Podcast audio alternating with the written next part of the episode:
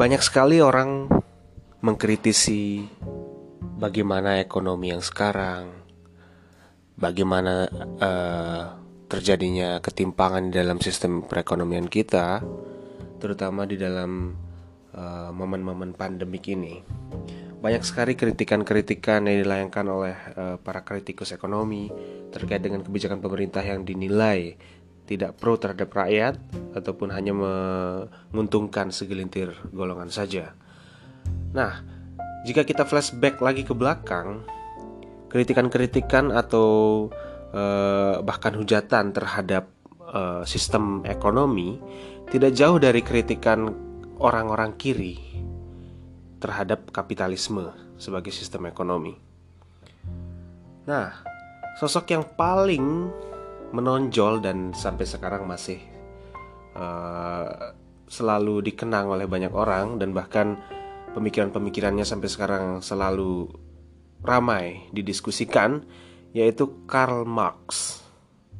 Saya rasa semua kita pasti uh, paham ya. Atau jangan dulu paham. Kita uh, pasti mengenal siapa Karl Marx. Terutama ini saya mengasumsikan pendengar dari kalangan uh, akademisi terutama ya yang concern di bidang sosial, politik dan terlebih ekonomi uh, sebagai ekonomi sebagai ilmu. Suka ataupun tidak suka, setuju ataupun tidak setuju terhadap pemikiran Marx, kita tidak bisa menafikan bahwa pemikirannya telah banyak membentuk beragam uh, pemerintahan besar ya, pemerintahan atau sistem kekuasaan besar di dunia ini. Terutama uh, kita bisa melihat pada pasca Perang Dunia Kedua bagaimana dimulainya perang dingin antara blok timur dan blok barat. Di mana mungkin kita bisa sepakati bahwa fasisme memang sudah hancur pasca Perang Dunia Kedua. Namun terdapat uh, pergesekan ideologi di mana pemikiran Marx memantik uh, berdirinya tiran-tiran kekuasaan. Contohnya Uni Soviet di bawah uh, pimpinan Stalin yang kemudian uh, kita nomenklaturkan sebagai Stalinisme. Dan ada juga uh, bagaimana perpecahan antara perpecahan saudara di tanah Korea di semenanjung Asia di mana uh, adanya perpecahan antara Korea Utara dan Korea Selatan, di mana Korea Utara condong uh, pada ideologi yang masih uh, dapat uh, mengakar pada Marxisme itu sendiri, sedangkan Korea Selatan lebih condong ke blok Barat. Meskipun uh, banyak yang mengkritik Marx bahwa pemikirannya melahirkan uh, tiran-tiran kekuasaan yang uh, sangat identik dengan kediktatoran. Akan tetapi kita tidak bisa serta-merta secara serampangan ataupun secara terburu-buru menolak dan mengejek-ejek pemikiran Marx ini. Sekali lagi, mau tidak mau ataupun setuju tidak setuju, kita harus uh, secara legowo bersedia untuk mengapresiasi buah kerja Marx meskipun banyak kekurangan di balik uh, buah kerjanya itu. Di mana pemikirannya yang sangat tajam menganalisis penyakit dari tubuh kapitalisme itu memantik uh, lahirnya pemikiran-pemikiran uh, yang concern di bidang kapitalisme terutama yang melihat dari sisi keburukan dan titik lemah dari kapitalisme itu sendiri ketak terelakan kita di dalam mengkritisi uh, bangunan sistem perekonomian yang diikuti oleh sistem perpolitikan dan sebagainya dalam tubuh kapitalisme akan selalu menyertakan uh, tawaran jawaban-jawaban dari Marx terkait dengan uh, bagaimana ia melihat busuknya kapitalisme dalam tanda kutip. Tentu saja di dalam kesempatan ini karena podcast ini bersifat sangat singkat dan saya tidak mungkin bercerita panjang lebar tentang bagaimana pemikiran Marx secara mendetail. Uh, dikarenakan saya juga bukan sebagai uh, pakar di bidang Marxisme. Akan tapi ada beberapa gambaran ataupun fase yang perlu kita ketahui terkait dengan pemikiran Marx. Di mana awal-awal pemikiran Marx itu bisa kita sebut sebagai uh, the young Marxist atau Marxisme muda, di mana memang pemikiran Marx itu sangat dipengaruhi oleh uh, sepembacaan saya ada tiga sosok yang sangat mempengaruhi pemikiran Marx. Yang pertama ada tentu saja uh, Friedrich uh, Hegel sebagai sang guru utamanya. Kemudian ada uh, Bruno Bauer sebagai uh, sosok yang sangat concern di bidang uh, kritik terhadap agama, di mana uh, buah-buah pemikiran Marx yang mengkritisi agama yang disinyalir menjadi kaki tangan kapitalisme itu banyak diperoleh dari uh, Bruno Bauer.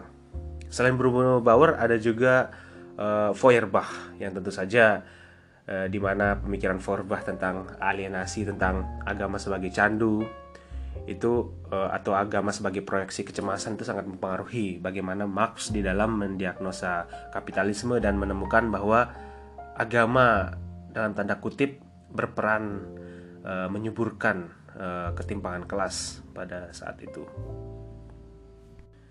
Beberapa karyanya mulai dari kemunculan uh, dari mulai dari Marxisme muda itu dia pertama-tama mengkritisi pemikiran Hegel di mana dirasa pemikiran Hegel itu terlalu abstrak dan terlalu tidak down to earth, tidak uh, terlalu melangit ya pemikiran Hegel. Kemudian itu ia tuangkan dalam bukunya yang diterbitkan pada tahun 1843 yang berjudul Critic of Hegel's Philosophy of Rights yang juga tidak terlepas dari konsepsi Hegel tentang uh, spirit uh, tentang minds itu. Di mana uh, manusia sebagai uh, minds itu sebenarnya sebelum ini saya perlu mengkelirkan dulu. Karena di Jerman itu istilah spirit itu lebih identik dengan minds. Namun ada juga yang menerjemahkan sebagai roh atau sebagai jiwa. Nah di sini saya lebih uh, memilih menggunakan istilah minds di dalam uh, memadakan memadankan uh, penggunaan kata spirit oleh Hegel. Di mana Hegel mengatakan bahwa manusia sebagai partikularitas dari minds yang uh, utuh itu terasingkan dari uh, hakikatnya yang sungguhnya. Mengapa terasingkan? Karena manusia melihat yang lain itu sebagai suatu ancaman, sebagai suatu di other, sebagai yang benar-benar teralienasi dari dirinya sendiri. Sehingga di situ akan muncul bagaimana adanya pertim eh, ketimpangan kelas, adanya ketidakadilan dan sebagainya sehingga orang lebih cenderung ide, uh, individualis dalam kehidupan. Nah, kemudian Marx mengkonkretkannya jadi Marx melakukan konkretisasi atas ajaran Hegel ini yang ia tuangkan melalui uh, karyanya yang cukup monumental yakni Critic of Hegel's Philosophy of Right. Kemudian pada tahun 1844 itu dia juga menerbitkan uh, sebuah buku yang berjudul 1844 manuskrip. Kemudian ada The Holy Family pada tahun 1845. Kemudian Thesis on Feuerbach itu pada tahun 1845 kemudian The German Ideology tahun 1845 dan setelah The German Ideology ini mulai mendekati ya karena ini uh, The German Ideology ini sebagai pijakan penting juga di dalam uh, bangunan karya-karya Marx yang sangat monumental ya ini tiga karya utamanya yang menjadi rujukan uh, komunisme ataupun marxisme yakni The Communist Manifesto yang diterbitkan pada tahun 1848 kemudian Critic of the Gotha Program dan Capital Das Kapital yang paling terkenal dan menjadi hal yang uh, mungkin magnum opusnya Karl Marx yang selalu dikaji sampai saat ini. sekali lagi kita uh, secara pribadi saya sendiri berterima kasih kepada Marx karena memantik dan memberikan kita uh, setidaknya ada gambaran jelas tentang penyakit-penyakit yang ada di dalam uh, tubuh Marxisme. Yang pertama, ia mendiagnosa penyakit itu sebagai uh, modern work is alienated. Jadi uh, dunia kerja modern, pekerja-pekerja modern, lapangan pekerja modern, roda perindustrian modern itu adalah nomenklatur dari alienasi. Mengapa demikian? Untuk menemukan jawabannya, maka sederhananya akan ada dua tipe pekerjaan yang menjadi concern uh, Marx pada poin nomor satu ini yakni orang bekerja uh, terasingkan dari dirinya sendiri di mana dia menciptakan dia menghasilkan produk-produk yang tidak ada sangkut pautnya dengan uh, hasrat atau desire-nya. Sehingga uh, ia bekerja seperti misalnya orang orang yang duduk di pabrik dari pagi sampai malam lembur mengerjakan produk yang sama sekali tidak ada sangkut pautnya dengan kehidupannya. Seperti misalnya dia merancang uh, roda roda mobil mewah dalam tanda kutip yang di mana ia sama sekali tidak ada hubungannya dengan uh, buah keringatnya itu. Nah di mana dia bekerja itu hanya untuk mendapatkan upah. Di mana yang menjadi pertanyaan Marx adalah bagaimana uh, korelasi antara keringat yang menetes itu kemudian dengan hasrat yang ada dalam diri pekerja ini dan dengan upah itu. Bagaimana korelasi ketiga hal itu? Itu yang disebut sebagai pekerjaan yang mengalienasi nah karena menurut Marx uh, orang itu harus bekerja dan melihat dirinya sendiri di dalam objek uh, pekerjaannya itu sehingga ia tidak bekerja secara abstrak. Dan kemudian yang kedua yakni pekerjaan yang dimaksud oleh Marx yang yang seharusnya ya yang idealnya itu adalah pekerjaan yang uh, bersifat objektif.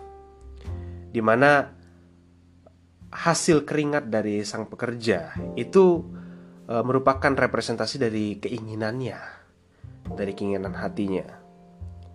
Sehingga ia tidak uh, bekerja secara abstrak dia bersusah payah dari pagi sampai malam mencucurkan keringat meninggalkan anak istri namun diupah hanya sebatas uh, eh, UMR pada akhir uh, bulan misalnya atau pada akhir minggu uh, itu merupakan hal yang tidak adil menurut Marx. Nah kemudian pada uh, masyarakat industri modern terutama pada abad ke-21 ini di mana banyak pekerja yang jika kita tarik pada di, pada era di mana Marx hidup, pekerja-pekerja masih mungkin bisa dibilang tidak terlalu teralienasi. Seperti misalnya mereka mengerjakan sepatu, memintal eh, benang, kemudian mengerjakan uh, kursi, itu masih jelas apa yang mereka kerjakan. Mereka masih bisa menarik desire-nya kepada objek yang hendak ia buat itu.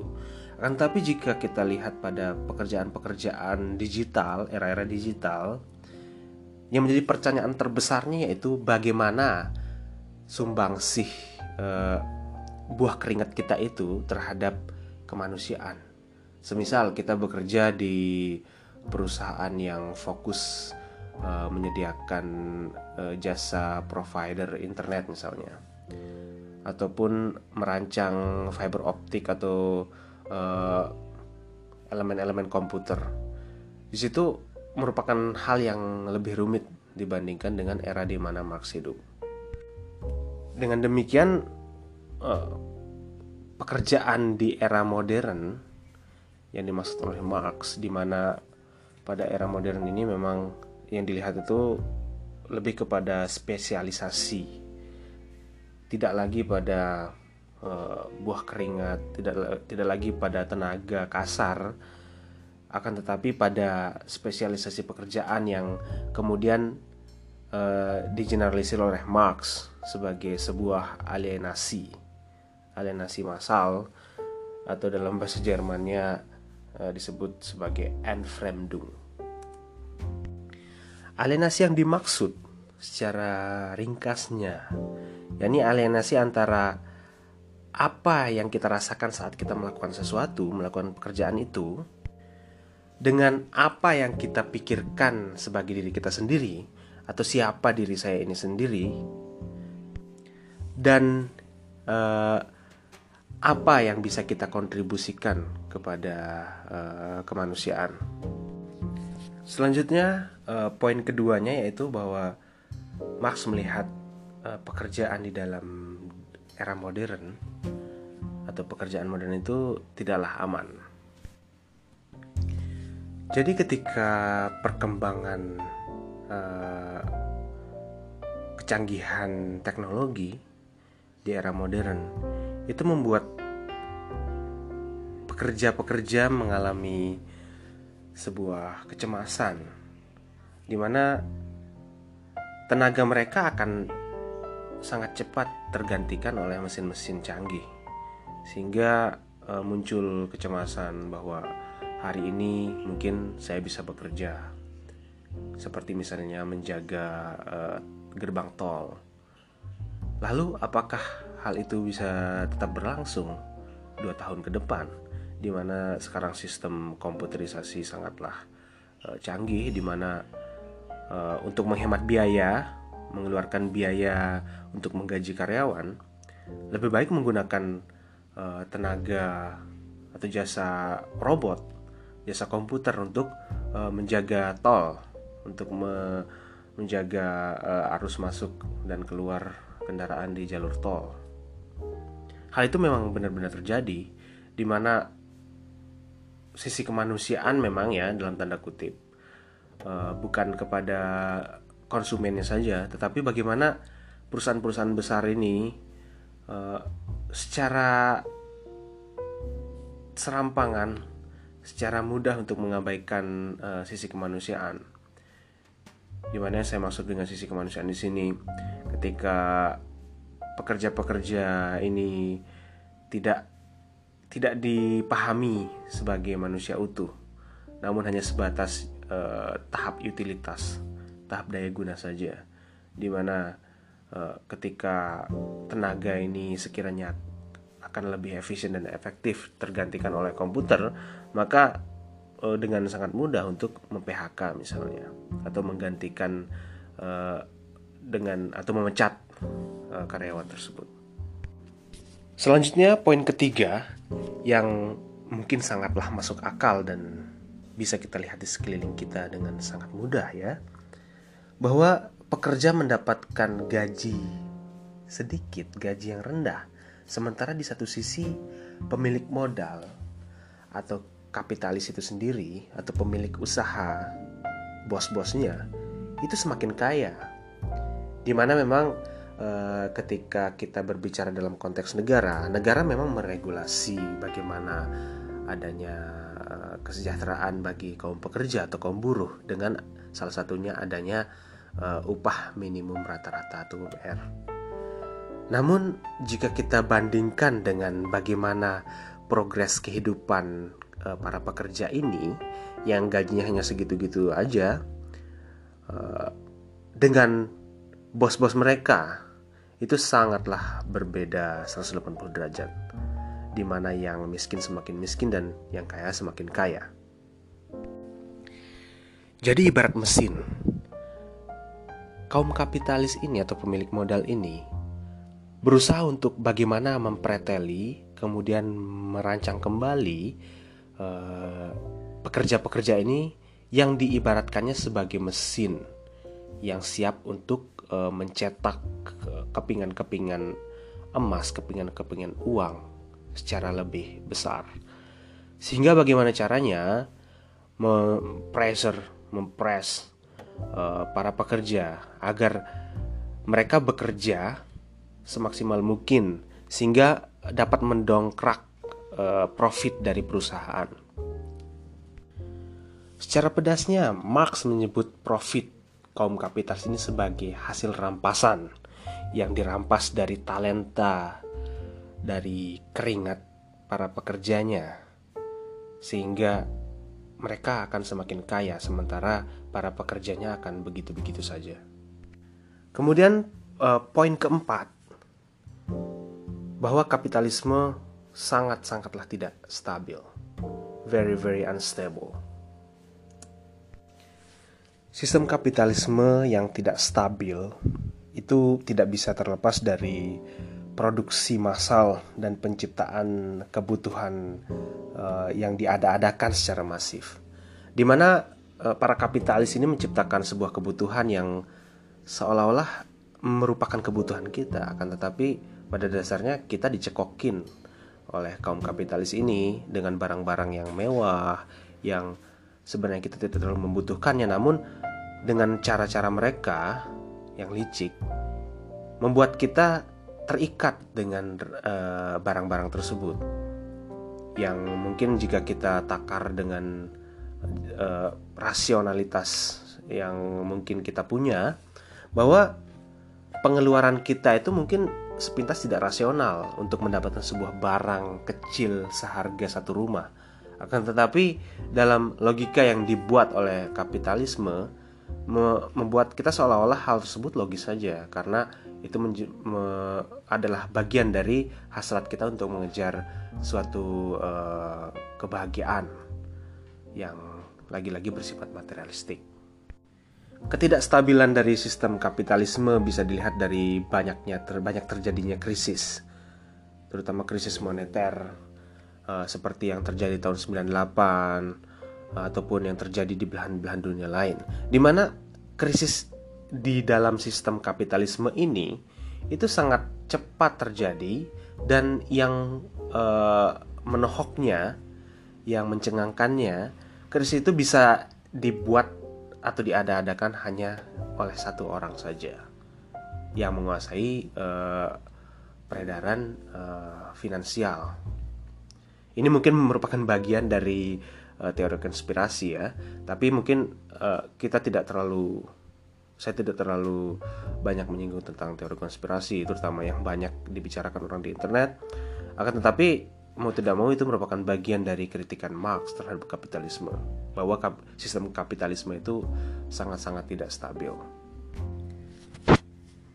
Kemudian poin terakhirnya yang uh, bisa kita diskusikan yaitu bahwa sebenarnya kapitalisme sistem kapitalisme ini tidak baik untuk kapitalis itu sendiri. Mungkin kalau untuk rakyat ya, jika dalam pandangan Marx ya jelas kapitalisme itu buruk untuk uh, masyarakat, untuk manusia. Namun ternyata Marx juga perhatian dengan pelaku uh, penyelenggara ataupun aktor kapitalisme ini. Di mana salah satu contohnya ada kekangan uh, terhadap kaum kapitalis di mana segala sesuatunya itu atas dasar uh, alasan finansial belaka. Salah satunya yakni pernikahan. Prosentase pernikahan uh, maksud saya prosentase perasaan di dalam pernikahan kaum burjois itu lebih didominasi oleh uh, alasan finansial dibandingkan dengan hasrat cinta yang tulus. Ini menurut Marx ya. Dari beberapa poin yang uh, bisa saya tarikan dari kritikan Marx terhadap kapitalisme, kita sangat bisa memproyeksikannya ke dalam realitas kekinian kita, di mana pekerjaan menjadi satu hal yang di satu sisi menjadi kebutuhan untuk uh, keberlangsungan hidup kita karena finansial mau tidak mau adalah sebuah keharusan. Namun di sisi lain juga menjadi hantu yang menghantui kita setiap hari. Di mana di sana kenapa saya menyebutnya sebagai hantu?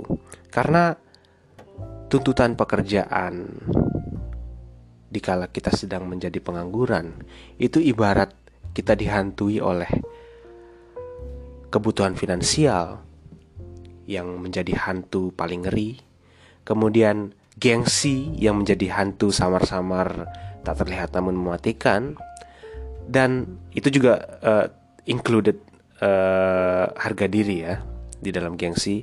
Dan yang ketiga adalah uh, pada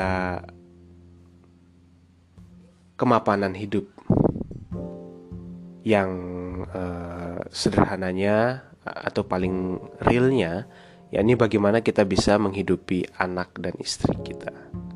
Nah, ketiga hal tersebut yang menjadi hantu-hantu yang bergentayangan yang selalu menghantui para sarjana-sarjana muda yang sedang mencari pekerjaan.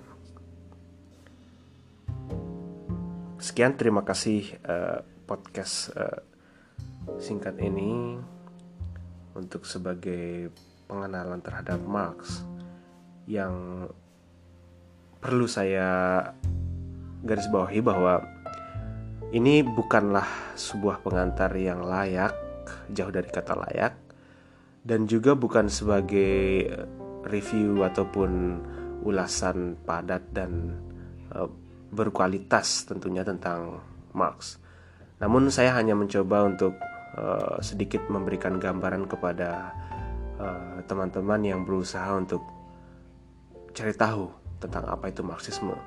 Karena belakangan ini sering kita lihat di berita bahwa seolah-olah Marxisme bahkan komunisme ataupun komunisme ya itu menjadi sebuah hal yang sangat ditakuti oleh masyarakat karena disinyalir merupakan bagian dari PKI dan lain sebagainya.